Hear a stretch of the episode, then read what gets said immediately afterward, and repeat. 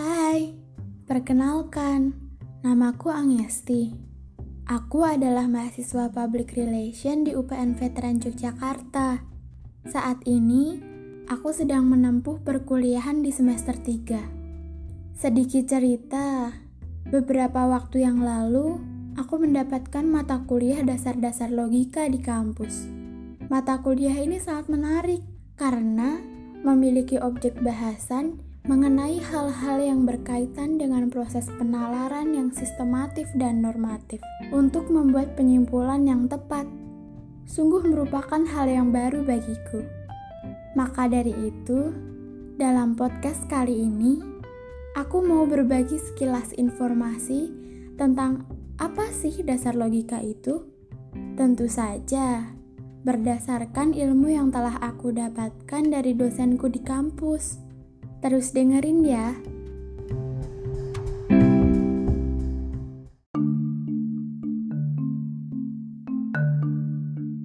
Mata kuliah dasar-dasar logika merupakan mata kuliah dasar yang memberikan pemahaman tentang hukum-hukum penalaran dalam pemikiran manusia yang mencakup pengertian atau kata, keputusan atau kalimat, proposisi atau penyimpulan, untuk membangun serta melatih pemikiran ilmiah yakni logis, kritis, mandiri, dan sistematis. Dalam podcast kali ini, kita memiliki lima pokok bahasan yang akan kita pelajari bersama, yaitu pertama, pengantar logika, kedua, argumen, premis, dan kesimpulan, ketiga, tipe argumen, validitas, dan kebenaran, keempat, logika dan komunikasi. Kelima, pengantar sesat pikir falasis. Pertama-tama, kita harus mengartikan kata logika itu sendiri. Secara estimologis, kata logika berasal dari kata Yunani kuno yaitu logos, yang berarti sesuatu yang diutarakan, sesuatu pertimbangan akal, kata, percakapan, atau ungkapan lewat bahasa juga dapat diartikan secara singkat sebagai perkataan atau sabda. Kemudian, sejarah singkat logika dapat dibagi menjadi tiga masa.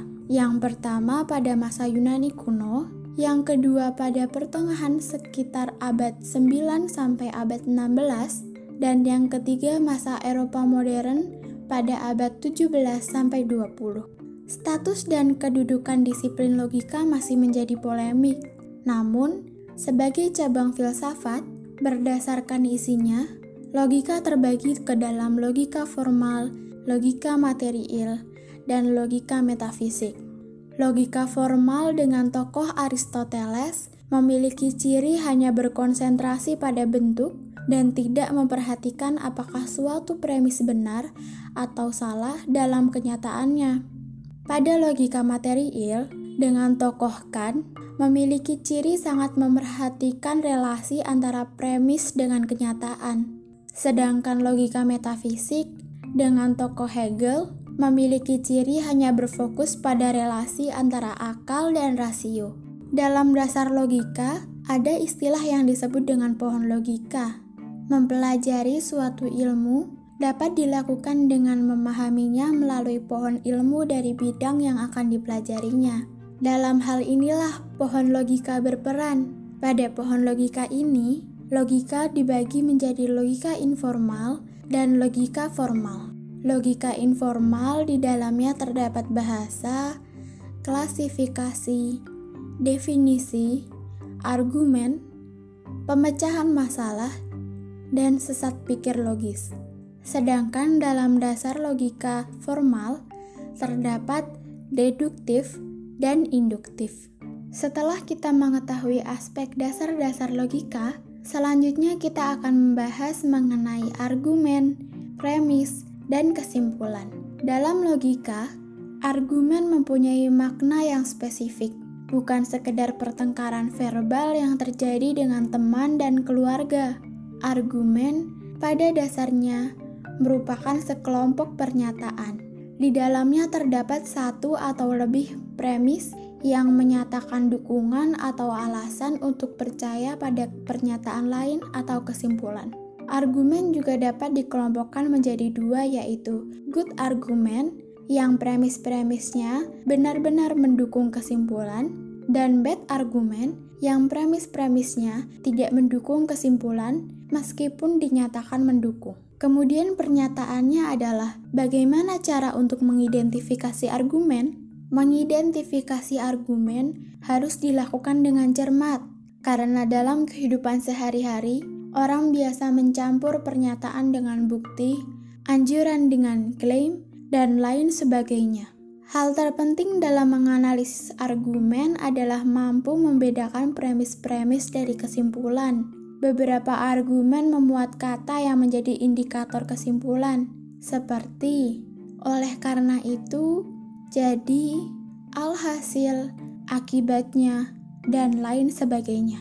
Jika argumen tidak memuat kata yang menjadi indikator kesimpulan, argumen bisa saja memuat kata yang menjadi indikator premis seperti karena, mengingat, berkat, sebab, dan lain sebagainya.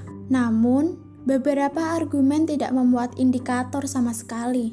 Jika premis tidak mengandung indikator, pembaca atau pendengar harus mengajukan pertanyaan seperti apa yang coba dibuktikan oleh pernyataan tersebut, atau jika tidak bisa menemukan kata sebagai indikator premis, Cari alasan yang diberikan untuk bisa membuktikan klaim. Setelah dapat mengenali kalimat yang mengandung argumen, kemudian kita akan mempelajari tentang tipe-tipe argumen. Jenis argumen ada dua. Yang pertama argumen deduktif, yang kedua argumen induktif. Argumen deduktif merupakan sebuah argumen di mana kesimpulan mustahil salah jika premis-premisnya benar. Kesimpulan yang diklaim mengikuti keniscayaan yang berasal dari premis. Premis inilah yang membimbing pada keharusan bahwa kesimpulan benar akan menghasilkan kesimpulan pasti. Sebagai contoh, semua kelas matematika memakan waktu. Semua kelas yang sulit adalah kelas matematika. Oleh karena itu, semua kelas sulit memakan waktu. Kemudian, Argumen induktif merupakan sebuah argumen di mana kesimpulan tidak mungkin salah jika premis-premisnya benar. Kesimpulan yang diklaim mengikuti kemungkinan dari premis. Premis inilah yang membimbing pada kemungkinan bahwa kesimpulan benar akan melahirkan kesimpulan berupa kemungkinan. Sebagai contoh, Socrates adalah orang Yunani. Kebanyakan orang Yunani makan ikan. Oleh karena itu, Socrates kemungkinan makan ikan. Secara singkat, ada tiga faktor yang dapat digunakan untuk membedakan argumen induktif dan deduktif. Yang pertama, lihat pada kata indikator khusus. Kata-kata yang mencerminkan keharusan atau kata-kata yang mencerminkan kemungkinan. Ini tidak mudah karena banyak orang yang menggunakan bahasa keharusan untuk niat retoris, meski sesungguhnya yang dimaksud adalah kemungkinan. Yang kedua, lihat pada kekuatan inferensi yang sebenarnya. Baca premis-premis yang ada, kemudian pertanyaan, jika premis-premis tersebut benar, mungkinkah kesimpulannya akan tetap salah? Jika iya, maka yang ada merupakan probabilitas. Jika tidak, maka keharusan. Yang ketiga, lihat pada bentuk argumentasi. Beberapa argumen secara alami berbentuk deduktif, beberapa induktif. Selanjutnya adalah materi validitas. Validitas merupakan dasar dari kajian logika, karena kegunaan logika adalah untuk menguji validitas argumen. Dalam validitas juga dibagi menjadi dua jenis penalaran, yaitu penalaran deduktif dan penalaran induktif. Pada penalaran deduktif, penalaran dilakukan berdasarkan keharusan. Harus kesimpulan 100% pasti. Kesimpulan hanya antara valid atau invalid. Argumen yang valid dan tepat adalah argumen yang memiliki format tepat dan premis-premis serta kesimpulannya benar. Kemudian, dalam penalaran induktif, penalaran berdasarkan kemungkinan atau probabilitas Argumen induktif adalah argumen yang berdasarkan pada kemungkinan atau probabilitas. Yang kita lihat dalam argumen seperti ini adalah kekuatan argumen. Apakah kuat atau lemah? Kesimpulannya tidak pernah 100% pasti. Argumen induktif bisa dilihat dari bentuk formatnya, namun, sesungguhnya secara umum kita harus lebih melihat pada konten argumen induktif tersebut. Tidak mudah untuk mengukur kekuatan argumen induktif jika dibandingkan dengan mengenali validitas deduktif. Kekuatan argumen induktif bisa diukur dalam derajat-derajat tertentu. Untuk menjadi argumen yang kuat, argumen induktif harus lebih mungkin daripada tidak mungkin. Kemudian, Selanjutnya, kita akan memahami dan mempelajari hubungan antara logika dan komunikasi. Saat ini, komunikasi menjadi ilmu yang merdeka dari filsafat. Sebelum lepas dari filsafat, para filsuf telah membahas kajian-kajian yang kemudian menjadi bahasan komunikasi. Yang pertama, teori pikiran, bahasa, komunitas, dan wacana. Kedua, mengenai kajian retorika. Retorika filsuf Yunani dan Romawi, yang kemudian dalam logos, retorika berjumpa dengan logika. Dalam logika Aristotelian, premis diharuskan berjumlah dua, premis mayor dan premis minor. Pada silogisme yang mengandung satu premis dan mengarah langsung ke kesimpulan, Silogisme tersebut sebagai antimime yang dinyatakan sebagai silogisme tidak sempurna. Antimime ini lebih sering dipakai dalam komunikasi. Namun, antimime tidak bisa ditentukan kesahihannya dan kebenarannya, selain mengurainya menjadi silogisme.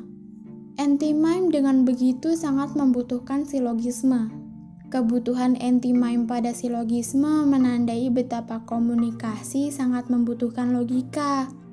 Hal ini didasarkan logika merupakan fondasi dasar komunikasi.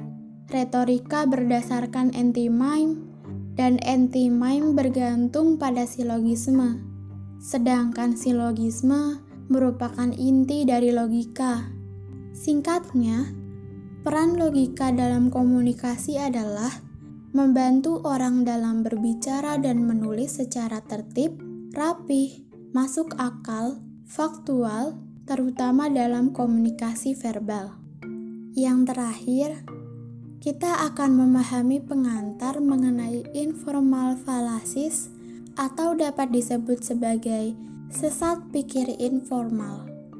Sesat pikir adalah proses penalaran atau argumentasi yang sebenarnya tidak logis, salah arah, dan menyesatkan. Suatu gejala berpikir yang salah yang disebabkan oleh pemaksaan prinsip-prinsip logika tanpa memperhatikan relevansinya. Wah, bagaimana tuh? Di dalam fallacies of relevance, argumen yang muncul memiliki premis yang secara logika tidak relevan dengan kesimpulan. Maka dari itu, premis kemungkinan besar terlihat relevan secara psikologis yang menyebabkan seolah-olah kesimpulan berasal dari premis meskipun tidak menurut logika. Banyak argumen yang sebenarnya keliru namun tetap diterima umum, karena banyak orang yang menerima argumen tersebut tidak merasa kalau sebenarnya telah tertipu. Dalam topik ini, terdapat beberapa jenis sesat pikir, yaitu argumentum ad baculum atau argumen atas ketakutan pada kekuatan, argumentum ad misericordiam atau argumen yang berasal dari rasa kasihan atau penderitaan, argumentum ad populum atau argumen yang bertujuan menarik mayoritas, argumentum ad vericurdiam atau appeal to unqualified authority, argumentum ad ignoratiam atau appeal to ignorance, hasty generalization atau converse accidents, false cause, weak analogy, slippery slope.